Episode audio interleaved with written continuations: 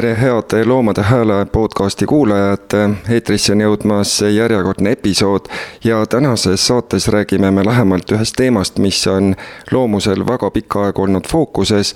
nüüd on päris suur samm edasi astutud, nimelt karusloomafarmide keelustamise eelnõu jõudis Riigikokku, läbis seal kaks komisjoni ja jõudis ka esimesele lugemisele. tänases saates oleme koos äh, Martin Karbusega, kes on Loomuse juhatuse liige, Marko Lepikuga, kes on Loomuse nõuandva kogu liige ja Mattias Turovski, kes on Loomuse liige. tere kõigile! tervist! tere! tere! Läheme siis algusest peale tagasi ja mõtleme natuke sellele, et kuidas seekordne eelnõu, mis siis on juba nende viimaste aastate jooksul arvult kolmas ja käsitleb äh, karusloomafarmide keelustamist, äh, jõudis üldse Riigikogusse. Martin? no tegelikult see on ju olnud tõesti väga pikk protsess ja Loomus on sellega väga pikalt tegelenud ja ka mitmed teised organisatsioonid. et see on olnud ühine pingutus, viimane äh, lugemine enne seda oli siis aastal kaks tuhat üheksateist veel eelmise Riigikogu koosseisu poolt ja seal äh, oli dramaatiline hetk, kus hääletusel jäi puudu kolm häält. ja uue Riigikogu koosseisuga siis äh, me samuti jätkasime tööd aktiivselt, et äh, taas see teema tõstatada ja kuna ka ühiskondlik huvi asja vastu pidevalt kasvab me näeme inimeste toetusprotsentidest, et toetus karusloomafarmide keelustamisele kasvab pidevalt, siis ka seekord algatasid saadikud äh, karusloomafarmide keelustamise eelnõu. seekord oli algatajaid kakskümmend kolm ehk siis rekordiline arv ja nad olid erinevatest erakondadest, nii opositsioonist kui ka koalitsioonist ja see eelnõu algatati täpselt enne suvevaheaega ja nüüd sügisel jõuti siis selle menetlemiseni. See oli kaks korda arutlusel keskkonnakomisjonis, kus ka Loomus oli kohal ja esindas meie seisukohti ja nüüd siis tõepoolest ajaloolise hetkena läbis esimese lugemise, kuna ettepanekut tagasi lükata ei tehtud siis läbis selle automaatselt. ja ma arvan, et see on selles mõttes väga märgiline samm, et äh, seekord ei tehtud ettepanekut eelnõu tagasi lükata nagu varem.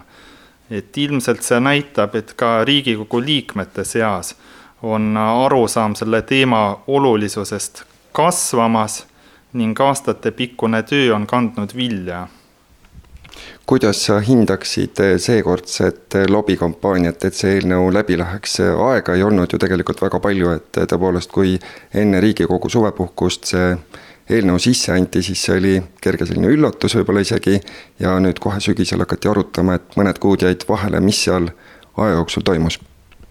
no nagu alati, Loomus on ju läbi aegade teinud väga aktiivselt tööd sellel rindel ja kohtunud väga erinevate poliitikute ja poliitiliste jõududega, seda teemat tutvustanud, vahetanud mõtteid ja igakülgselt seda teemat edendanud.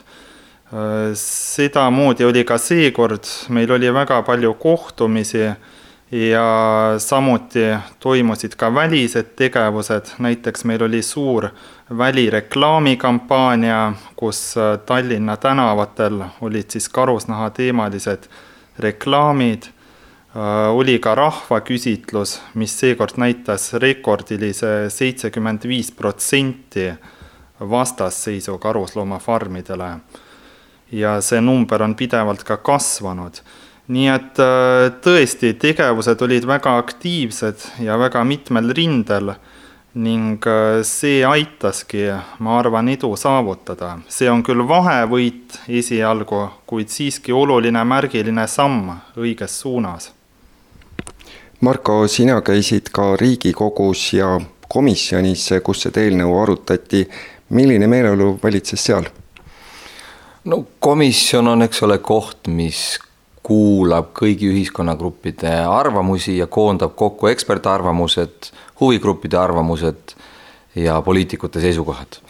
nii et selles mõttes komisjonide puhul võib-olla alati ei olegi mõtet rääkida meelsusest, kuna seal on kohal äh, nii-öelda mõlemad seisukohta esindavad poliitilised jõud. et mida võib küll öelda, on see, et keskkonnakomisjoni istung äh, oli üsna intensiivne, sest kui sa tood erinevad seisukohad tuppa, siis vahel võib juhtuda, et äh, dialoogid lähtuvad natuke rohkem emotsioonist kui ratsionaalsetest argumentidest. sellise teema puhul võib vahel juhtuda, et kui karusloomafarmide keelustamise teemat käsitleda, et siis tihtipeale ei pruugi jõuda sisuliste argumentideni.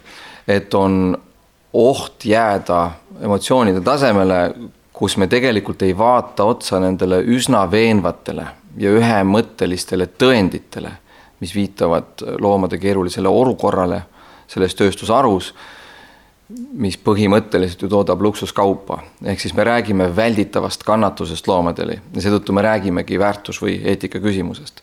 nii et kui me komisjoni vaatame, siis olid esindatud kõik seisukohad ja ma arvan, et see on ühiskondliku debati mõttes väga konstruktiivne. et võib-olla, kui seda natuke laiendada, et siis loomus on seadnud eesmärgiks olla avatud dialoogile kõikide poliitiliste jõududega meie jaoks, loomuse jaoks on see teema alati olnud apoliitiline, ta on maailmavaateülene, mida me praegu näeme, on see, et teema on muutunud poliitiliseks, erinevad poliitilised jõud on huvitatud, ma ütleks siis, ühiskonnaliikmetega suhtlema läbi sellise teema. ja nagu me näeme, et eelnõu pooldajaid on nii opositsioonis kui koalitsioonis. et see viitab natuke sellele, et see teema võib-olla ei sõltu tingimata sellest, kus parem- või vasakspektril keegi paikneb. ja me näeme sama ka tegelikult Euroopas tervikuna, et kui näiteks Soomes ja kui ma nüüd ei eksi, ka Rootsis on seda teemat eelkõige eest vedanud näiteks äh, pigem valjuhäälsed sotsiaaldemokraadid, siis võtame Poola, Poolas me teame, et me räägime praegu äh, väga tugevast sellise konservatiivse ja parempoolse maailmavaate võimulolekust. nii et me näeme, et see teema on spektriülene, nii et loomus lihtsalt ka praeguste vestluste käigus igakülgselt pingutab, et olla kõigile selline hea vestlus- ja diskussioonipartner. sellepärast, et me usume, et kõikidel poliitilistel jõududel, kui nad äh, näevad tõendeid ja vaatavad otsa argumentidele, vaatavad otsa ka avalikule arvamusele on sellest teemast midagi võita, lisaks sellele, et see on väärtuspõhine käitumine. üks äh, teema, mis veel siin esile kerkib, on ekspertide arvamus. veidi aega enne Riigikogu esimest lugemist ilmus äh, tosinkonnalt Eesti loodusteadlaselt äh, üks avalik kiri, milles nad siis avaldavad ka toetust põhimõtteliselt sellele, et karusloomafarmid tuleks sulgeda. mis need peamised argumendid seal olid, Mattias? Peamised argumendid kätkesid endas siis just äh, rebaste ja, ja minkide äh, pidamistingimusi ja, ja, ja üsna niimoodi selgesõnaliselt äh, toetudes võiks öelda, et üheselt mõistetavatele faktidele väitsid, et karusloomafarmide keskkonnas või, või tingimustes nendele loomadele ei ole võimalik pakkuda siis äh, piisavaid elutingimusi selleks, et, äh, et vältida nendele siis noh, võib öelda, et ebaproportsionaalselt suurte kannatuste põhjustamist kogu nende elu vältel. nii et see jah, selliste sisuliselt bioloogiliste, terioloogiliste või siis just nendesamade imetajate spetsialisatsiooni silmas pidavaid argumente see kiri endas kätkes mingisuguseid majanduslikke ja poliitilisi ähm, nüansse selles ei olnud, kuna mõte oligi siis teha midagi sellist, millele just nimelt loodusteadlased oma erialast lähtuvalt saaksid allkirja anda. ja, ja ühtekokku saime me vist nüüd oli seitseteist, kui ma ei eksi äh,, allkirja, nende seas siis teadureid äh, Tartu Ülikoolist, terioloogia õppetoolist, äh, aga päris mitu allkirja tuli ka terioloogia seltsilt ja allkirju me kogusime äh, umbes täpselt nädala aja vältel. et, et, et seekord kuidagi jah, läks niimoodi, et, et, et see mõte tegelikult äh, selline, selline kiri teha ja, ja kooskõlastada sündis meil loomuses Martini eestkostel tegelikult juba üsna tükk aega, aga siis me päris tükk aega timmisime paika sõnastust, konsulteerisime erinevate meile tuttavate siis teadlastega, et, et see võimalikult heaks teha ja siis ajastasime ta jah niimoodi, et nüüd ta selle eelnõu lugemisega ilusti kokku langeks. see kooskõlastusring oli üldiselt väga-väga positiivne, et me saime äh, palju tagasisidet äh, teadlastelt endilt, kes aitasid meid sõnastuse osas ja argumentide osas väga sellise väga meeldiva positiivse üllatusena, et siis Eesti Terioloogia Seltsi äh, juht Peep Männil, kellele me selle kirja ka saatsime, tema algatusel siis me saatsime selle laiali ka Terioloogia Seltside listile, kuna tema, tema arvas, et see on Äh, väga hea mõte ja sealt tuli väga mitu äh, toetusallkirja siis veel algatusele juurde. kui me läheme veel viieteistkümnenda oktoobri juurde, Riigikogu arutas siis esimest korda seaduseelnõud, sellele eelnes tegelikult ka üks äh, aktsioon, hea tahteavaldus, kus Loomus pani seljad kokku ühe teise organisatsiooniga, kuidas see võimalikuks sai? me jah, koostöös äh, teise organisatsiooniga Nähtamatud Loomad, nende algatusel võiks öelda, korraldasime hea tahteavalduse, mille eesmärk oligi näidata Riigikogu liikmetele toetust õige ja eetilise otsuse langetamiseks. ja see möödus väga positiivselt selles mõttes, et äh, ma arvan, et sellega saadeti selge, rahumeelne ja positiivne sõnum, et toetada loomade heaolu. Ja tegelikult käisid mitmed poliitikud äh, meeleavaldajatega ka rääkimas, äh, millist sõnumit nemad jagasid? seal tõepoolest äh, oli kohal ka poliitikuid, samuti kui vaadata teleintervjuudest, siis nende sõnum oli väga positiivne, on näha, et nad on endale teema selgeks teinud. Ja tõesti rõõm on näha, et nad mõistavad seda teemat, et loomade piinamine äh, täiesti triviaalsetel põhjustel ei ole õigustatud, et ei ole normaalne hoida loomi terve elu väikestes puurides, kus nad seisavad traatvõre peal ja nende käpad moonduvad ja nad kannatavad väga tõsiste vigastuste ja muude hädade käes. et äh, see on väga positiivne, et see arusaam on ühiskonda jõudnud. Ja ma võib-olla lisaks ka üldisemalt, et kui vaadata seda üldist poliitilist debatti, mis on seekord olnud ka Riigikogu saalis siis äh, minu meelest võib näha väga positiivset muutust. selles mõttes, et kui eelmistel kordadel oli selgelt olemas ka selline naeruvääristav või äh, absurdne suhtumine, me kõik mäletame igasuguseid kohatuid võrdlusi ja sõnavõtte, mis on sel teemal olnud, ma ei hakka neid kordama, siis seekord oli pilt tegelikult teistsugune et sellist äh, naeruvääristavat suhtumist mina vähemalt küll ei näinud. ja need argumendid, mis äh, olid ka vastu, äh, nad olid seekord juba oma kvaliteedilt siiski oluliselt paremad. Nii et siin võib tunnustada mõlemat poolt, nii keelustamise pooldajaid kui ka vastaseid, et seekord oli pilt positiivsem nüüd, kui vaadata argumentide sisu, siis tegelikult äh, sisulisi argumente karusloomafarmide keelustamise vastu ju enam jäänud ei ole. et varem see, mis oli põhiline argument, olid töökohad, nüüd on töökohtade arv drastiliselt langenud, see sektor on hääbumas täiesti, seal on mm, ühekohaline arv töökohti põhimõtteliselt alles nii et äh, see põhiline argument on ära kukkunud. ja selle tõttu on võetud kasutusele teised argumendid, mis on juba ütleme nii, demagoogilisemad. näiteks libeda nõlva kuulus argument, et kui te astute selle sammu, siis oi-oi-oi, mis küll juhtub järgmiseks.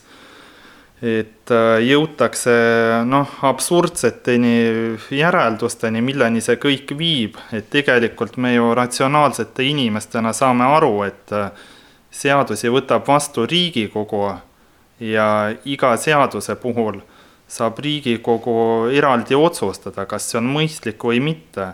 Praegu on ju kõne all konkreetselt karusloomafarmide keelustamine, et peatada seal loomade piinad ja kuna see seaduseelnõu teisi teemasid ei käsitle, siis no need vahel poogitakse külge lihtsalt. teine argument siis, mis ka kõlas, on see, et tööstus võib kolida mujale. ja see on minu meelest tõepoolest äh, iseenesest täitsa legitiimne argument ja sellel teemal võikski debateerida, aga ka Riigikogus tegelikult kõlasid väga head vastuargumendid sellele. et see on ka selline argument, mida kasutatakse noh, praktiliselt kõige puhul, näiteks keskkonnateemad, keskkonnadumping, kus äh, saastamine kolib teistesse arenevatesse riikidesse, et äh, see on selline üldisem argument, aga seal öeldi hästi, et see kindlasti ei tähenda, et meie ise ei peaks astuma häid samme. et isegi, kui äh, mingid asjad võivad kolida mujale, meie peaksime nii-öelda enda koduhoovis asjad korda tegema, et meil siin vähemalt loomi ei piinataks. ja tegelikult ma olen veendunud, et see hooliv suhtumine loomadesse jõuab kõikjale ja varem või hiljem astutakse need hoolivad sammud ka mujal, nii et kokkuvõttes see argument äh, ei, ei ole veenev. Mattias, millised mõtted tekkisid sul? ja ma võib-olla lisaks, lisaks ka selle Martini toetuseks selle libeda nõlva argumendi kohta, äh, mis ma olen nagu mõelnud selle peale. jah, nagu Marko ka ennist ütles, et, et loomus on peaasjalikult siis loomade heaolu eest äh, seisev organisatsioon ja seega ilmselgelt meie jaoks on tähtis loomade heaolu küsimus ja, ja nende eestkoste, olenemata sellest, millisest tööstusest me tegelikult räägime ähm,. küll aga miks see, miks see libeda, libeda tee argument äh, ei ole tegelikult nii pädev antud olukorras äh,, ongi nagu jällegi Marko alguses väitis või jah, tõstis tähelepanu alla et karusloomafarmidest räägime me täna suuresti laiemas perspektiivis või laiemas ringis kui lihtsalt loomade hea, heaolu eest seisvad organisatsioonid. me räägime sellest ühiskonna palju laiemalt juba terves ühiskonnas, eks, ja poliitikas samuti. just seetõttu, et see teema on saanud küpseks, poliitiliselt küpseks ja, huvitab inimesi väga paljudes erinevates valdkondades. Nii et äh, kui kunagi peaks ühiskond nii kaugele jõudma, et me saame hakata rääkima äh, või, või et hakatakse rääkima äh, teiste loomade, võib-olla põllumajandusloomade, võib-olla isegi kalade, üks noh, ükskõik milliste loomade tegelikult heaolust ja sellel tekib piisav siis traktsioon nii-öelda ühiskonnas, siis loomulikult loomus oma põhitegevusena saab seda toetada ja igatepidi Äh, noh, toetab seda, seda protsessi ja üritab omalt poolt kaasa aidata. sellepärast ei ole vaja kindlasti karusloomafarmide küsimust mitte täna käsitleda, et äh, võib-olla kunagi inimesed hakkavad mõtlema, et tõepoolest, et sigadel ja lehmadel võiks ka ju parem elu olla äh, meie tehastes, vaid, vaid vastupidi.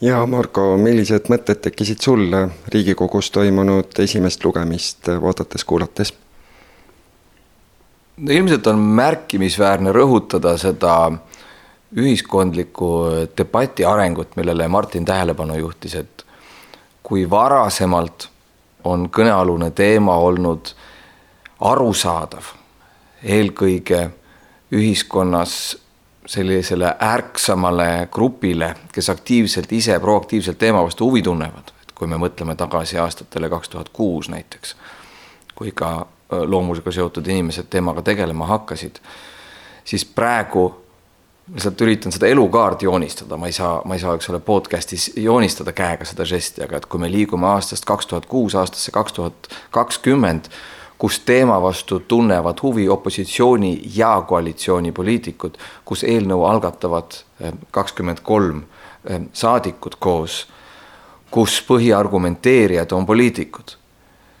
Kus loomulikult on kultuurses debatis, loodetavasti kultuurses debatis võimalik esitada poolt ja vastu argumente ja neid loodetavasti ka esitatakse.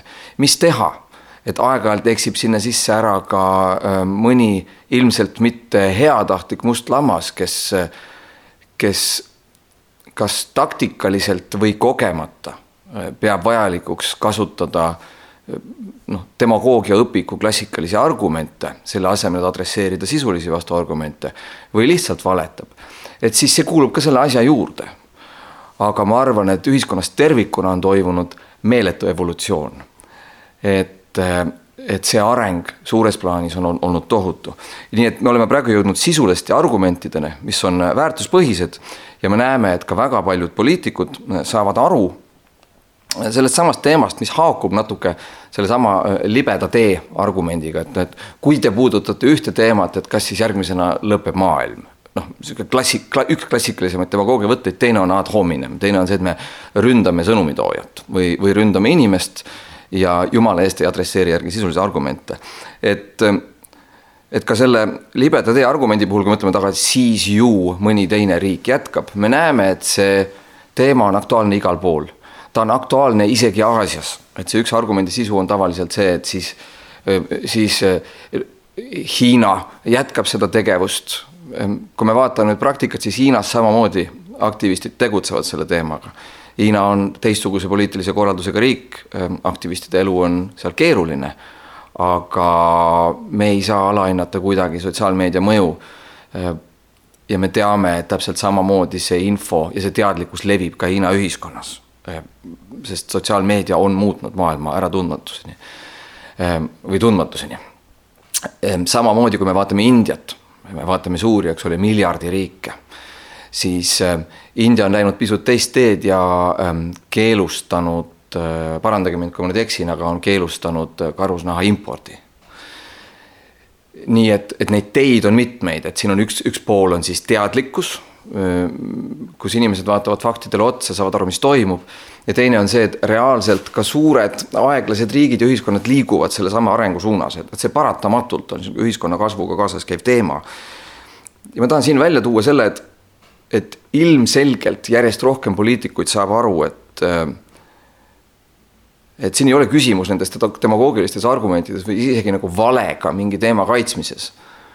vaid et Eesti on suveräänne riik. Eesti on iseseisev riik.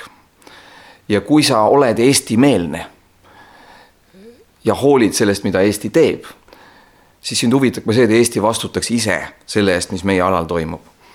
sa oled huvitatud sellest, et me ise langetaks oma eetilisi otsuseid ja ma arvan, et see on sõnum, millega on nõus nii parempoolsed kui vasakpoolsed jõud ehk siis me ise siin vastutame selle eest, kuidas meie käitume. Läti ise vastutab selle eest, kuidas nemad käituvad ja Poola ise vastutab selle eest, kuidas nad nendes eetilistes küsimustes jõuavad käituda. ma olen absoluutselt veendunud, et kui me vaatame neljakümne või viiekümne aasta pärast edasi, siis on ka Hiinas see pilt lihtsalt teistsugune. ja Hiina on sellepärast oluline, et Hiina on üks maailma suurimaid ja põhilisi karusnaha importijaid üldse. et seega see turg on nagunii suures osas seal. nii et kui me võtame meie praktiliselt kokku kuivanud sektori, siis ta on nagunii suhestunud Hiina turuga. nüüd ta on lihtsalt siin meil kokku kuivamas, nii et, et need kolm meie põhilist argumenti, milleks on eetiline või väärtusküsimus, äh, majandusküsimus ja siis ka avaliku arvamuse, ühiskonna toetuse küsimus. Et nad on selles mõttes küpsed, et, et poliitikud tahaksid neist rääkida, mis haakub selle ähm, Mattiase mainitud äh, teema küpsusega, mulle see sõnastus väga meeldis. ja lisaks on, on, ma praegu siin ei peatu, aga lisaks on sellel aastal siia juurde lisandunud veel ka Covid-19 keeruline teema. aga see on nii-öelda uus uus aspekt, äh, mis eelkõige puudutab siis mingifarme, mille puhul me teame, et vähemalt ühel korral on toimunud minkidelt Ähm, ilmselt ka juba tagasikanne inimestele, nii et need farmid kujutavad endast äh, reaalset ohtu, nad muutuvad nii-öelda äh, viiruse reservaarideks. nii et isegi kui sa inimpopulatsioonist selle äsa isoleerid, siis kui meil on tõestus sellele, et, et ta saab ka nüüd teistpidi uuesti jälle tagasi hüpata, siis see on piisav, et, et äh, poliitilisel tasemel vaadata, et kas seal on täiendavad riskid. Ja, ja sellel teemal oskavad ilmselt Mattias ja Martin täpsemini täpsustada, et mis sellel teemal ette võetud on teistes riikides ja ma lisaks veel selle loomade heaolu kohta, äh, et Eesti, Eesti rahvas on üsna selgesõnaliselt väljendanud, et, et loomade heaolu läheb neile korda, igatahes karusloomafarmi küsimuses. seega Eesti rahvas arvab, et, et, et loomade heaolu on tähtis. loomuse peamine nii-öelda see aluspunkt või lähtepunkt toetub ikkagi eetilisele filosoofiale Äh, mille järgi loomade heaolu äh, määrajaks on loomade heaolu. mitte kas keegi arvab, et loomade heaolu on tähtis, vaid loomade enda perspektiiv. Nii et kui me sellest lähtume, siis, siis kindlasti seda ka nii-öelda äh, rahvuslikku arvamusse üle kandes Eesti rahval on omad huvid mängus, et nende naabrid oleksid nendega ühel nõul selles osas, kas, kas loomad on äh, Mm, on keegid, kelle heaolu eest me peaksime kollektiivselt, kollektiivselt seisma. ma tahan selle piiri taha kolimise asja kohta ka öelda, et, et siin saab tuua väga huvitava nagu paralleeli just selle keskkonna, keskkonnakahjude äh, temaatikaga. et seda, seda argumenti, et kui me no näiteks põlevkivist rääkides, et, et vahet ei ole ju, kas me siin keelustame või, või sulgeme oma põlevkivitehaseid või mitte, kuna Venemaal äh, Äh, õudselt palju ikkagi reostatakse, on ju, ja, ja tehaseid on seal õudselt palju. Siis, siis minu küsimus vastu oleks, et äh, me ei taha ju keelustada põhimõtteliselt asju, vaid, vaid me tahame keelustada neid äh, tõenduspõhiselt lähtuvalt tugevatest argumentidest. loomade heaolu puhul siis eetilistest argumentidest põlevkivi puhul tegemist on rohkem keskkonnaargumentidega, aga kindlasti seal on samuti eetilised nüansid. mõte on selles, et sellest, et Venemaa reostab edasi põlevkiviga atmosfääri, ei muutu põlevkiviga atmosfääri reostamine vähem kahjulikuks. ehk siis meie keelustame siin sellepärast, et meil on selge sõnum tulnud teadlastelt, et, et seda ei tohi teha meie looduse, meie tervise ja sellest ka siis lähtuvalt ka moraalsete argumentidele tuginedes, on ju. loomade heaoluga on täpselt sama teema me ei taha neid keelustada või meid ei huvita loomade, äh, loomade väärkasutamise lõpetamine, sellepärast et sellel oleks mingisugune poliitiline või ühiskondlik äh, äh, põhjus, vaid sellepärast, et loomadele ei tohi põhjustada kannatusi, kui meil on võimalus seda mitte teha tegelikult siin jah, kerkis ka jutuks ja Riigikogus täpselt samamoodi Covidi teema, mida on siis Hollandis avastatud mingifarmidest. et see on jah, täiesti uus teema, mis veel lisaks kõigile teistele on juurde kerkinud. Ja tõepoolest juba on leidnud ka kinnitust esimene ülekandumine loomalt inimesele, see on siis just mingifarmides ja see probleem puudutab just mingifarme ja väga mitmes riigis on see olukord tegelikult tõsine, näiteks Hollandis, Taanis, Hispaanias, seal on tapetud juba väga palju minke selle pärast.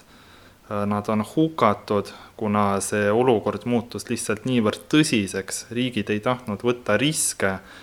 Ja Hollandis näiteks äh, olid küll farmid keelustatud, aga üsna pika üleminekuajaga ja nüüd seoses selle Covidi kriisiga mingi farmides võeti vastu see otsus, et seda jõustumist, keelu jõustumist oluliselt kiirendada. nii et see on äh, tõesti väga tõsine teema, äh, mitmed riigid astuvad väga jõulisi samme sel teemal ja see ei ole kindlasti mingisugune äh, kergekäeline argument, mida võiks kergekäeliselt kõrvale heita. Eestis me küll teame, et hetkel ühtegi mingi farmi, mis tegutseks, ei ole. Aga samas on farme, kellel on teoreetiliselt minkide kasvatamise luba. nii et see risk iseenesest on olemas ja see on kindlasti tugev täiendav argument teistele lisaks kui võtame nüüd äh, seda teemat veel edasi käsitleda, siis Marko, sul olid veel mõned mõtted? ma lihtsalt tuleks tagasi selle üldistava vaate juurde, mis seda teemat puudutab, et kui me räägime loomade heaolu teemast, et see, mille Mattias välja tõi, et see ei ole teemana lihtsalt asi iseeneses, mida keegi poliitilistel põhjustel puudutab. vaid et kui me vaatame viimase kahekümne viie aasta äh, statistikast maailmas, siis mulle tundub, et on normaalne, et kui ühiskondade elujärg paraneb ja stabiliseerub, siis hakataksegi tähelepanu pöörama järjest järgmiste ühiskonnas osalevate gruppide heaolule ja see on paljude inimeste jaoks uus mõte, et meie keskel elavad loomad võiksid olla ühiskonnaliikmed, aga kui inimesed mõtlevad selle peale, siis koerad ja kassid nägu juba on pereliikmed. Ehm, võib-olla on ka paljude talunike jaoks näiteks nende lambad, lehmad ja sead ja kanad pereliikmed või taluliikmed ja nii edasi, et see on täiesti normaalne, et me selle peale mõtleme ja me otsime vastuseid küsimusele, et kus läheb see poliitiline piir, kust maalt saavad kokku see idealistlik väärtusmaailm kus ähm, loomad meie käe all üldse ei kannata. ja see pool, kus me oleme sunnitud või mingid poliitilised otsused on sunnitud ütlema, et mingid kannatused ei ole välditavad, kas mitte kunagi või veel. et siis see on normaalne, et see debatt tuleb, sest kui me vaatame äh, ülemaailmset statistikat, siis viimase kahekümne viie aastaga on enam kui miljard inimest välja tõstetud absoluutsest vaesusest. ja see on ilmselt üks suuremaid saavutusi inimkonna ajaloos. see areng jätkub, et kui Maailmapanga eesmärk on kahe tuhande kolmekümnendaks aastaks ähm, äärmuslik vaesus, ingliskeelses siis extreme poverty, üldse lõpetada, sellest lahti saada, siis see tähendabki seda, et ühiskonnad liiguvadki evolutsiooni tasemel järgmistele väärtusküsimustele. Et mida vähem inimesi peab tegelema küsimusega, et kuidas nad üldse söönuks saanud või kuidas nad, kuidas nende lapsed ellu jäävad, siis on täiesti normaalne et me hoolitseme selle eest, et meie teised pereliikmed, meie äh, koduloomad oleksid hoolitsetud ja sealt edasi, et ülejäänud loomad, kellega me koos oma ümbruskonda ja planeeti jagama, oleksid samamoodi meiega koos ja meie juhtimisel täpselt nii, nagu me oma lastele ju koolis lapsest saati õpetame ja nagu ka kõigile meile, ka nendele poliitikutele, kes ei ole meiega päris sama meelt, on õpetatud, et loomadele ei tohi liiga teha ja siis lihtsalt siin on ilmselt poliitiline küsimus, et kust maalt läheb see piir, kes ütleb, et natuke me peame. Ehm, looma, looma, loomade eestkostusorganisatsioonid ütlevad, et et kas ei tohiks või tuleks teha nii vähe kui võimalik ja sellega on praeguseks nõus juba ka Euroopa seadusandja, kus kus, kui ma toon veel teemat laiendades, et kui ma toon näiteks loomkatsete teemat, siis on väga ühesed põhimõtted näiteks teaduses ja meditsiinis loomkatsete osas juba kahe tuhande kümnendal aastal, aastal Euroopa Komisjoni tasemel kinnitatud kolme R-i põhimõte, mis on siis äh, inglise keeles replacement, reduction and refinement ehk siis nende katsete asendamine, kui võimalik, millegagi, mis on vähem invasiivne ja põhjutab vähem kannatust, taaskord me räägime välditavatest kannatustest. Siis reduction ehk siis vähendamine, vähendada katsete arvu, vähendada katseloomade arvu nii palju, kui on võimalik ja refinement mis tähendab siis, et need eksperimendid läheksid täpsemaks ja seal toimuksid ainult minimaalsed, minimaalset kannatust põhjutavad toimingud üldse. Ja me teame, et sellega on paljudes riikides probleeme, sellepärast et samamoodi see valdkond on näiteks seotud teadusgrantidega, kus on vahel kasulik majanduslikult korrata sama katset mitu aastat, aga võib-olla teaduslikult ei ole see enam põhjendatud. miks ma sellest räägin, on see, et need väärtused on meil ühiskonnana olemas. küsimus on, et millal me jõuame nendega tegeleda ja on täiesti normaalne, et ühiskonna stabiliseerudes ja majanduslike olukordade järjest paranedes nendega tegeletakse nii Eestis kui Baltikumis, kui Põhjalas, kui Euroopas, kui Euroosias, kui terves maailmas, et see on vältimatu ja loomulik protsess ja täiesti normaalne. ja selle käigus me peamegi asjad rahulikult, argumenteeritult ja võimalikult demagoogiavabalt selgeks vaidlema, see on tervitatav protsess. jah, et ühiskonnas kasvab erinevatel põhjustel, Marko tõi nendest paljud välja, hoolivus Äh, üha laiema siis nii-öelda endast erinevama, ühe mitmekesisema kogukonna suhtes. Äh, ma usun, et, et selle hoolivuse toetamine, sellise trendi toetamine on kollektiivselt meie kõikide huvides ühiskonnas ja, ja see, et et, just arenenud maailmas nii-öelda või, või, või arenenud riikides on, on, on, on loomade heaolu küsimus viimastel aastakümnetel üha, üha usinamalt pead tõstmas, ongi ju noh, tõsiasi, mis sellele kinnitust annab. Aga ma nii et, et see on, see on ülipositiivne kollektiivses mõttes ja minu meelest ka ideoloogia üleselt äh, trend, mis näitab, et, et, et inimkond on valmis, inimkond on äh,, soovib tõele näkku vaadata ja, ja, ja vaadata äh,, vaadata maailma enda ümber laiemas kontekstis ja see on ülioluline, kuna, kuna paraku tänasel päeval äh, Äh, kus äh, terve maailma nii-öelda klimatoloogiline siis äh, alatoon sisuliselt kisendab. et, et meil on vaja väga-väga-väga kiiresti hakata võtma väga-väga tõsiseid otsuseid vastu selleks, et selle planeedi siis nagu homeostaas saaks püsima jääda kogu inimkonna ja loomkonna huvides meil on väga vaja vajutada seda hoolimise nuppu, sest, sest inimene orgaaniliselt hoiab neid, kellest ta hoolib. siin ei ole tegelikult, sul ei ole vaja äh, seaduse jõuga äh, noh, tähendab, need seadused kindlasti on ja väga tore, et nad on, aga sul sisuliselt ei ole vaja seaduse jõuga forsseerida, et, et tänaval keegi koertele jalaga näkku ei lööks, eks, sest, sest, sest inimesed hoolivad koertest. Äh, nüüd, nüüd kui seesama trend laieneb, siis me saame hakata võtma järjest kainema mõistuslikult vastu otsuseid, mis kõikvõimalikke teisi meie ümber samamoodi siis äh, hoiaksid. ja meil on vaja jõuda olukorrani, kus inimkond kollektiivselt mõistab, et, et loodus, et, et, et keskkond, äh, mitte ainult loomad, aga ka taimed ja, ja, ja, ja, ja, ja eluta siis ökoloogia osad ehk siis nagu terved kooslused oleksid äh, hoitud meie poolt nii et loomad on siin tegelikult väga tähtis strateegiline nii-öelda vahelüli, et, et, et kui me saame lisaks iseendale mõelda juba loomadest kui, kui siis ole, olevustest, kelle vastu me oleme empaatilised, siis see võimaldab meil hüpata ühel hetkel ka äh, noh, tervete koosluste, metsatukkade ja nii edasi eest äh, mitte ainult hoolt kandma, aga, aga ka nagu eetilises mõttes hoolima. et see on midagi, mis meil on ülivajalik. ja võtame tänase jutuajamise kokku. praeguseks on nüüd eh, seaduseelnõu esimesel lugemisel ära käinud, mis edasi saab, Martin?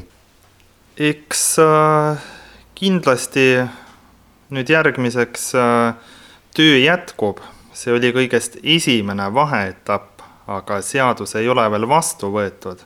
see oli küll väga märgiline ja ajalooline võit, aga siiski vahevõit meie loomusest kindlasti jätkame aktiivselt tööd ja juba olemegi jätkanud.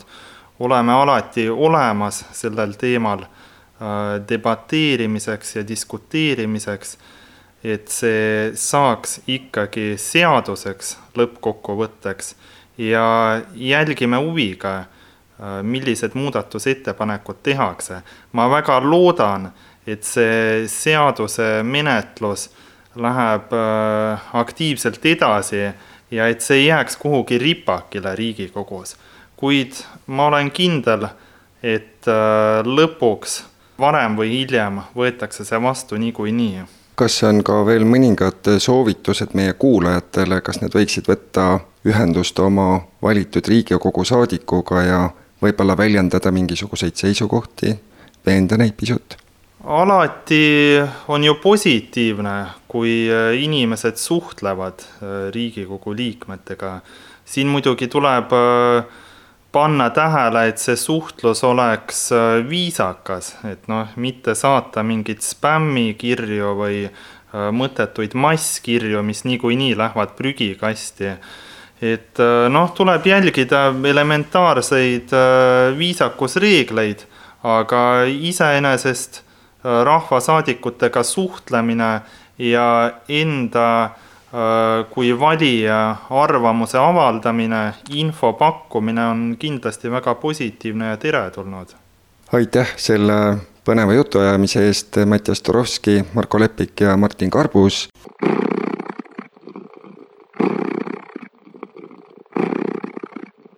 hea Loomade Hääle kuulaja, nüüd on ka sinu võimalus omapoolselt loomust toetada mine kodulehele loomus.ee kaldkriips toeta ja vaata lähemalt, kuidas saad meile toeks olla. aitäh sulle ette!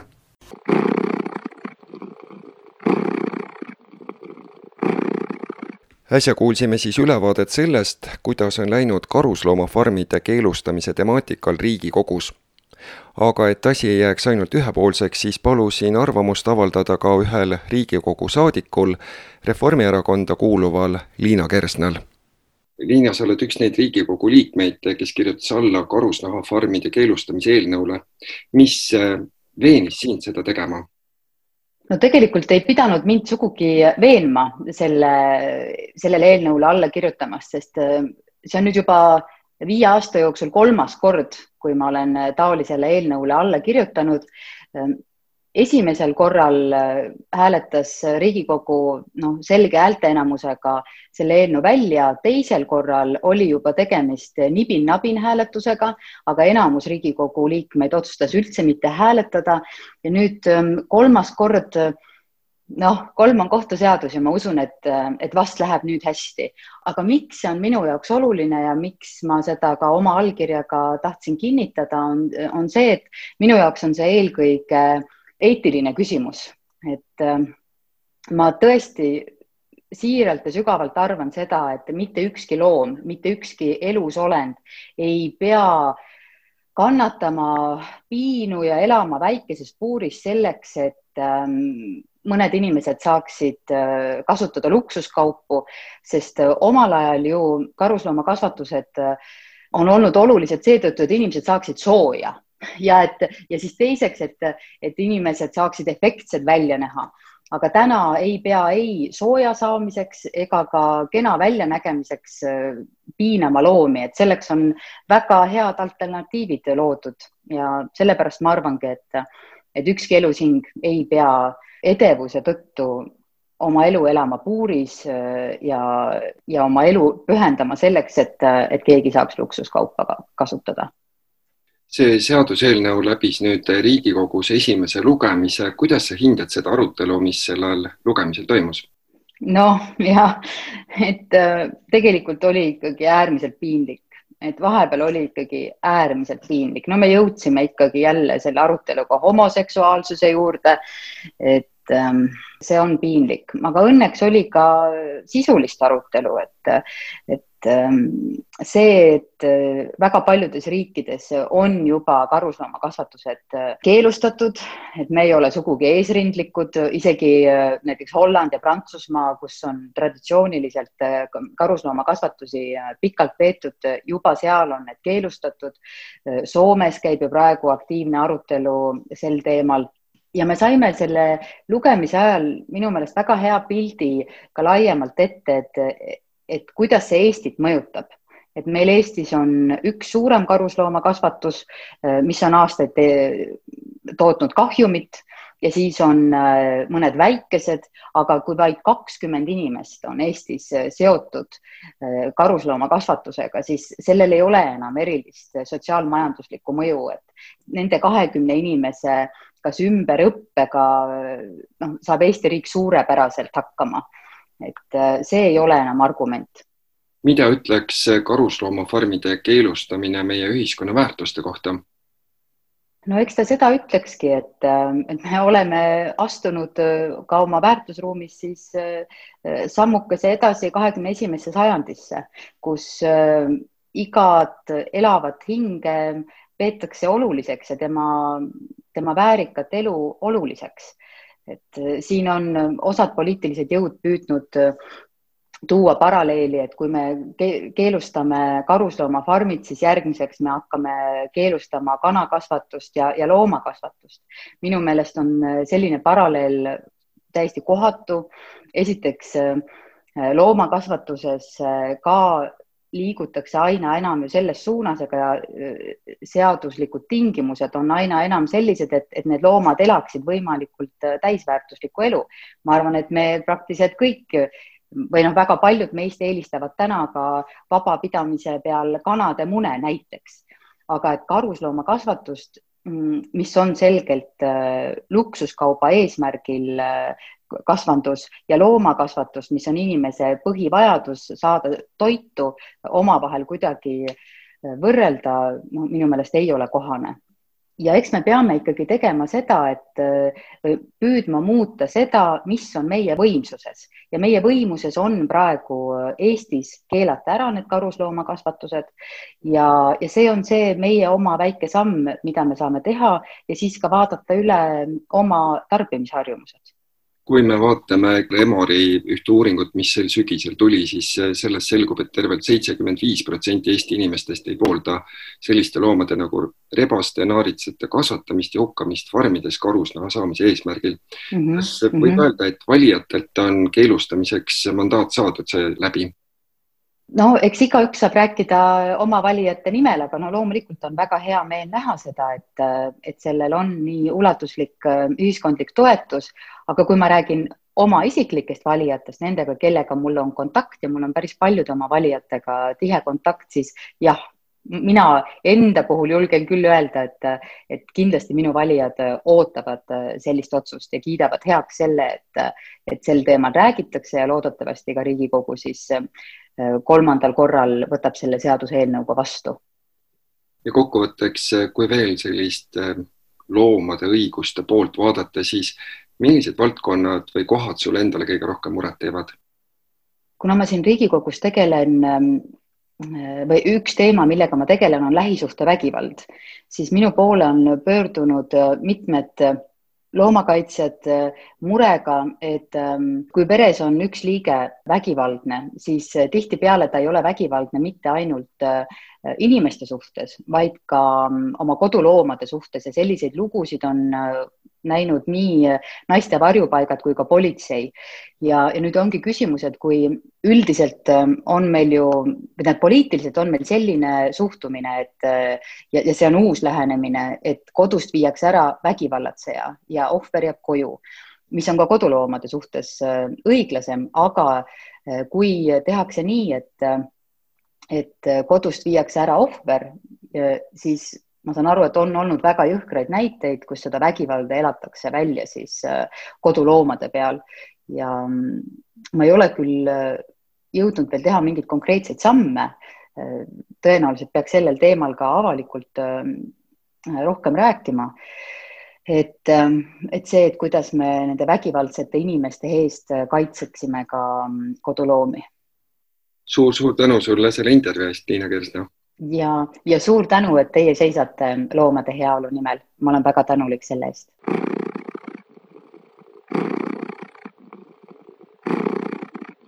Head Loomade Hääle kuulajad, selline saigi tänane saade. tuletan meelde, et seitsmendal ja kaheksandal novembril ehk sel nädalavahetusel toimub Tallinnas Kultuurikatlas taimetoidumess kaks tuhat kakskümmend, mida ka Loomus otsapidi eest veab. nii et kui teil on nädalavahetusel vaba aega, siis laupäev ja pühapäev on täidetud väga tiheda ja põneva programmiga ja Kultuurikatlas leiab kindlasti väga vahvaid sööke, jooke ja kõike muud, mida uudistada. saatejuht Sven Paulus tänab kuulamast ja kohtume peagi